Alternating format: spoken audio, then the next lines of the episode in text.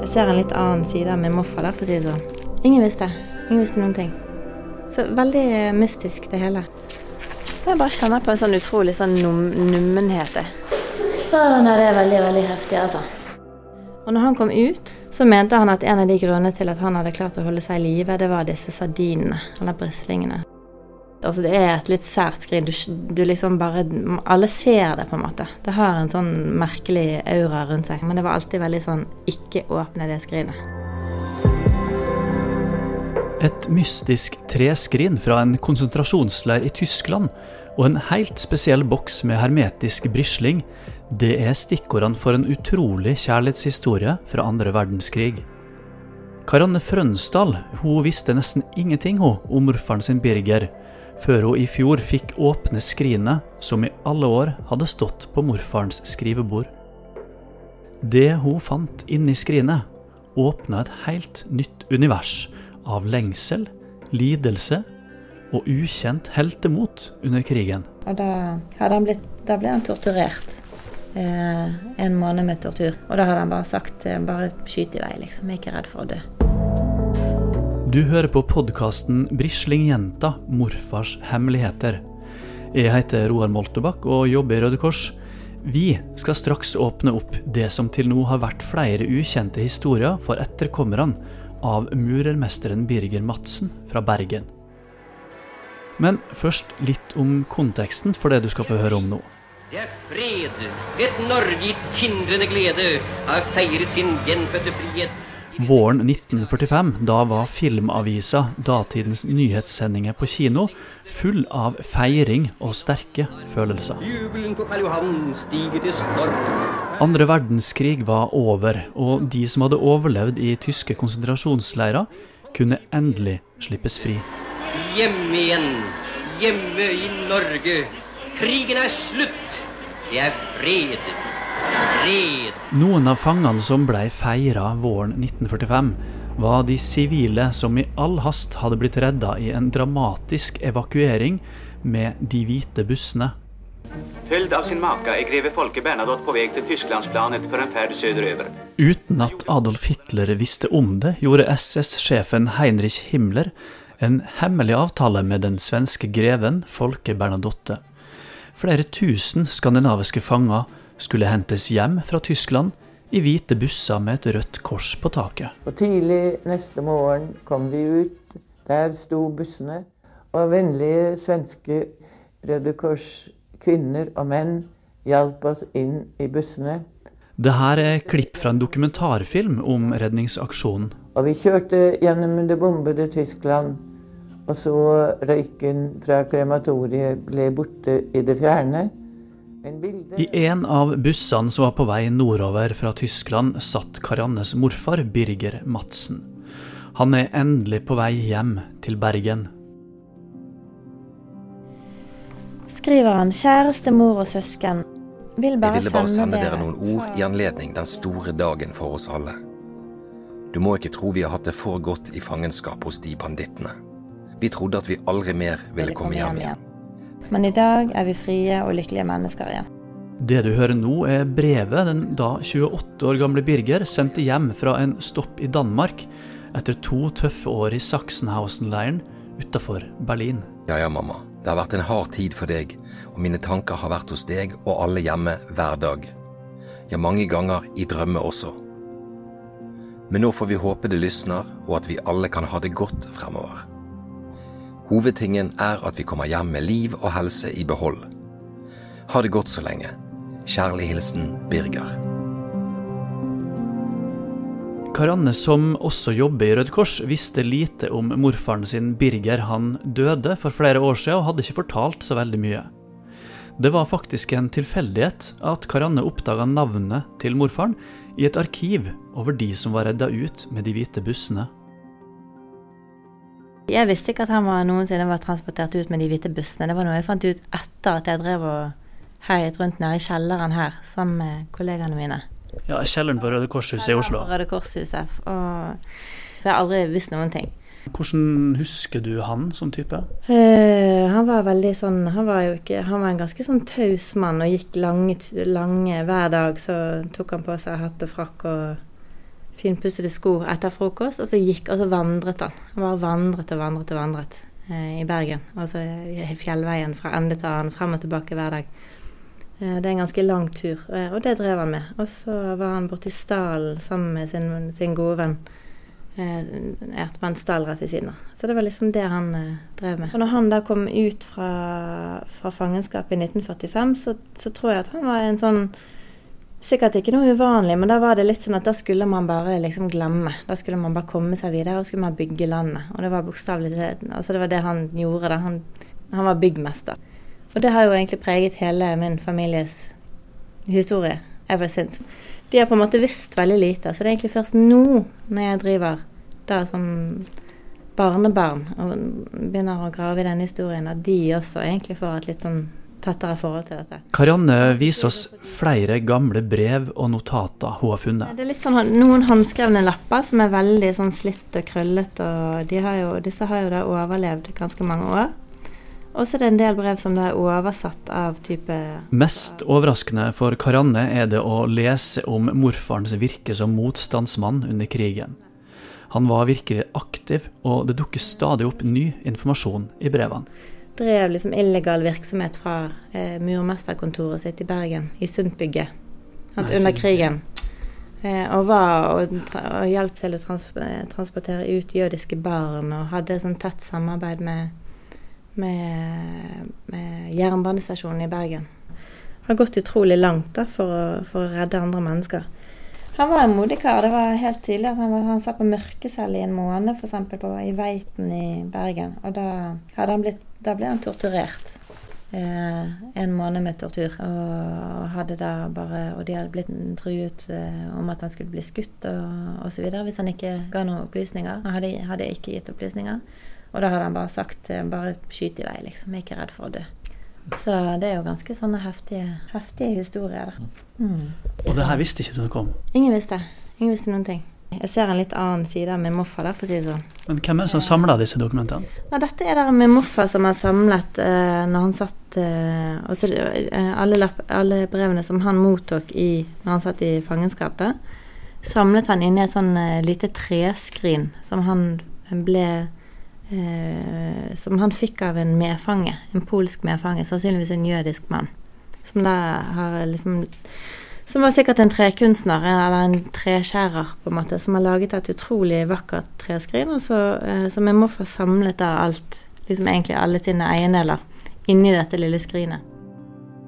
Først 75 år etter krigens slutt, da det ble klart at Karianne hun skulle besøke Sachsenhausen, bestemte slektningene seg for at Birger sitt skrin det skulle åpnes.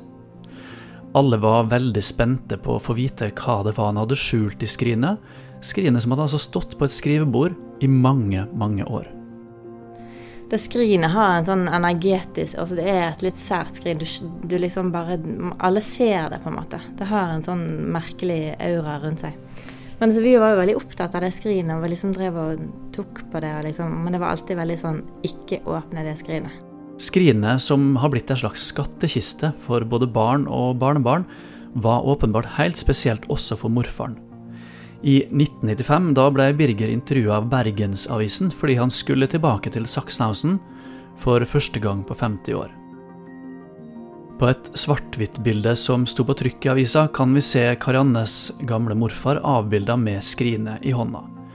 Han forteller at han klarte å smugle det ut da han ble redda av de hvite bussene i 1945.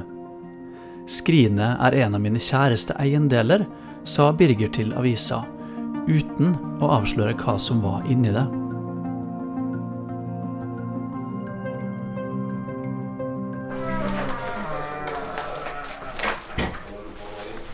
Det var eh, der de ble skutt. Gasskammer og krematorium. Noen uker etter at Karanne for første gang hadde fått lese morfarens egne ord fra krigen, har hun nå ankommet konsentrasjonsleiren Sachsenhausen utafor Berlin. Det er en solfylt, men litt kjølig marsdag i 2020. Det er så goldt. Det liksom så det, har ikke, det har ikke liksom farge, smak eller lukt. Alt er helt sånn Det er helt nøytralt? Helt nøytralt. Bortsett fra litt fuglekvitter er det nesten helt stille innafor de grå betongmurene med piggtråd på toppen i den gamle nazileiren. Gulna gress dekker bakken mellom de lave trehusene der fangene ble holdt, og de høye vakttårnene. Jeg bare kjenner på en sånn utrolig sånn num nummenhet. Det er en sterk opplevelse å være i fangeleiren der man veit at mennesker ble sultefòra, stua sammen som dyr og drept. Er vanskelig å bare prøve. Man trenger, jeg trenger i hvert fall litt sånn ro til egentlig bare sitte og skjønne hvordan det Eller prøve å kjenne hvordan det kan ha vært å være her i den settingen, med 50 000 mennesker og liksom massedrap som foregikk rett borte, liksom Der borte, og bare noe ondskap på et så utrolig sånn systematisk nivå. Da. Jeg syns det er helt utrolig vanskelig å forstå. Så dette var de offiserene? Inne på museumsdelen av Sachsenhausen finnes det lister og bilder både av nazisoldater og av fanger som endte opp med å bli drept i leiren. Det er ganske sånn uh, Det er ikke hyggelig i stedet for å si det sånn. Ganske dårlig stemning. På altså. en av veggene henger det et stort svart-hvitt-bilde tatt i fugleperspektiv. Bildet viser tusenvis av utmagra fanger som står oppstilt i fengselsgården og bildet gjør at Karanne tenker litt ekstra på hva morfaren må ha opplevd akkurat her. Han, jeg vet at han hadde fortalt det ett medlem i familien at uh, om de der oppstillingene hver morgen. Hadde oppstilling ute på plassen, og så var det hen, altså at folk ble henrettet da, foran øynene på dem. Og at de bar ut de døde uh, om natten og tidlige morgentimer. Sachsenhausen 30.1.1944. I brevene som Birger skrev her fra Sachsenhausen, gikk han ikke så ofte i detalj om lidelsene de opplevde, men han takka ofte for pakka som han hadde fått tilsendt fra Norge, både fra familie, fra venner og fra Røde Kors. I pakkene var det varme klær, det var sanitetsprodukter, det var tobakk og diverse mat. Kjære mor, jeg setter pris på å få pakkene med matvarer, og også små brevpakker blir satt pris på. Så mye dere forteller. Vær så snill å sende meg en pakke med undertøy, strømper, sovepose og et par støvler med tresår. Den svenske pakka, den var jo øh, veldig eh, allsidig. Det her det er andre norske krigsfanger som forteller om det de fikk tilsendt fra bl.a. svenske Røde Kors i fangenskap. Pølse, sukker og nypegelé. Sigarett, lykkestreik. Sardiner. Og det er her vi kommer tilbake til kjærlighetshistorien som denne podkasten handler om, og som var helt ukjent for Karanne inntil nylig. For morfar Birger han fikk jevnlig en helt spesiell pakke med hermetisk brisling, som en form for sardiner, inn i fengselet. Jeg vet at min morfar fikk tilsendt pakker fra Røde Kors inn i eh, leiren. Eh, og i de pakkene så var det bl.a. Eh, sardiner fra Norge. Um, og det var disse Ingrid-sardinene.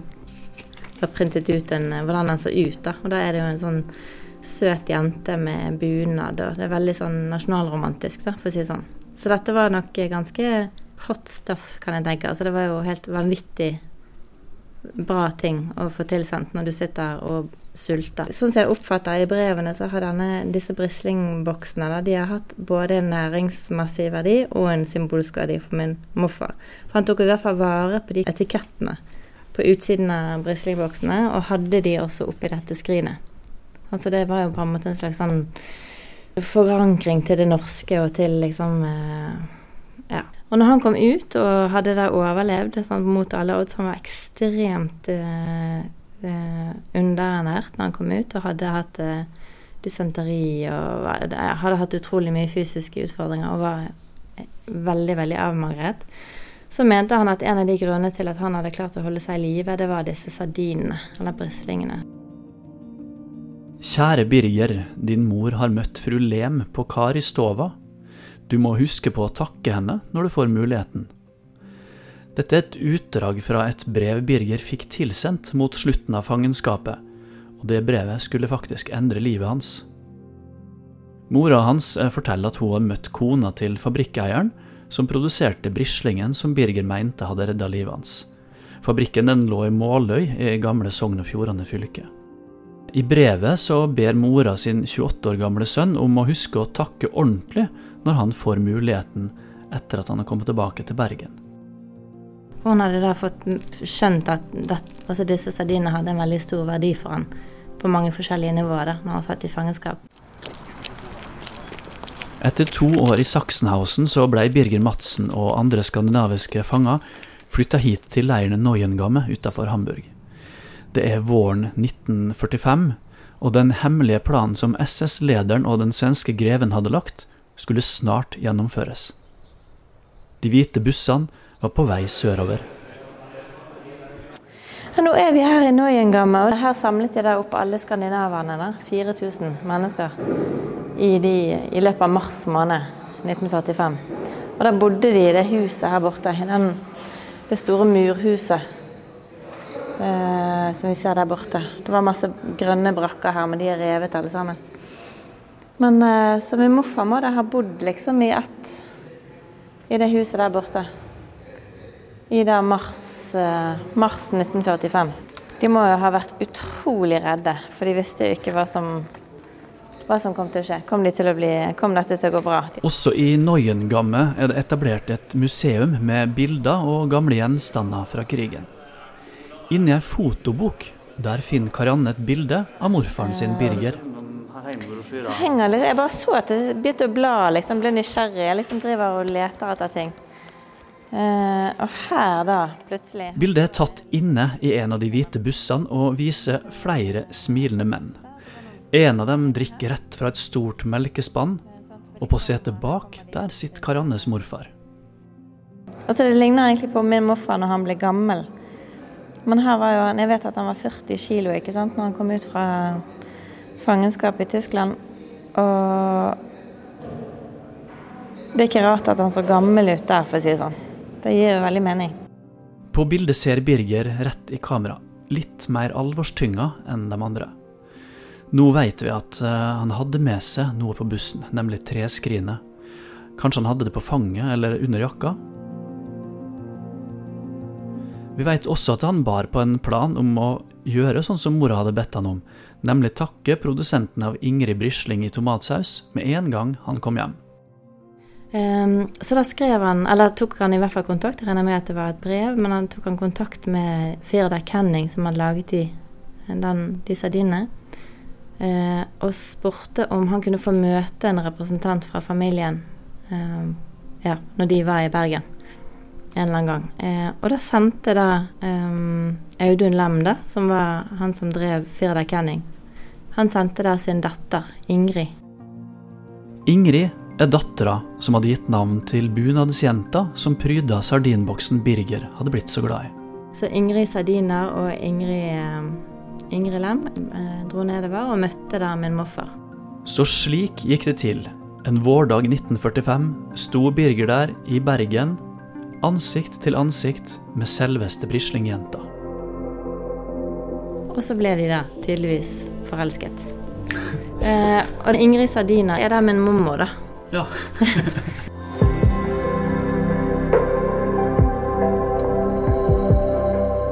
Ingrid og Birger de gifta seg og stifta familie mens Norge ble bygd opp igjen etter krigen.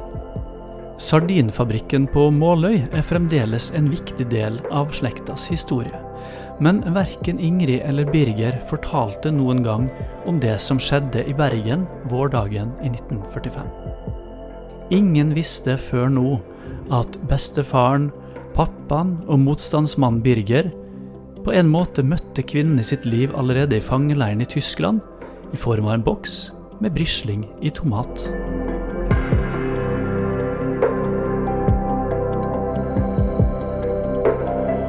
Du har hørt en podkast fra Røde Kors. Abonner på podkasten Rødt lys for å få varsel når neste podkast er publisert.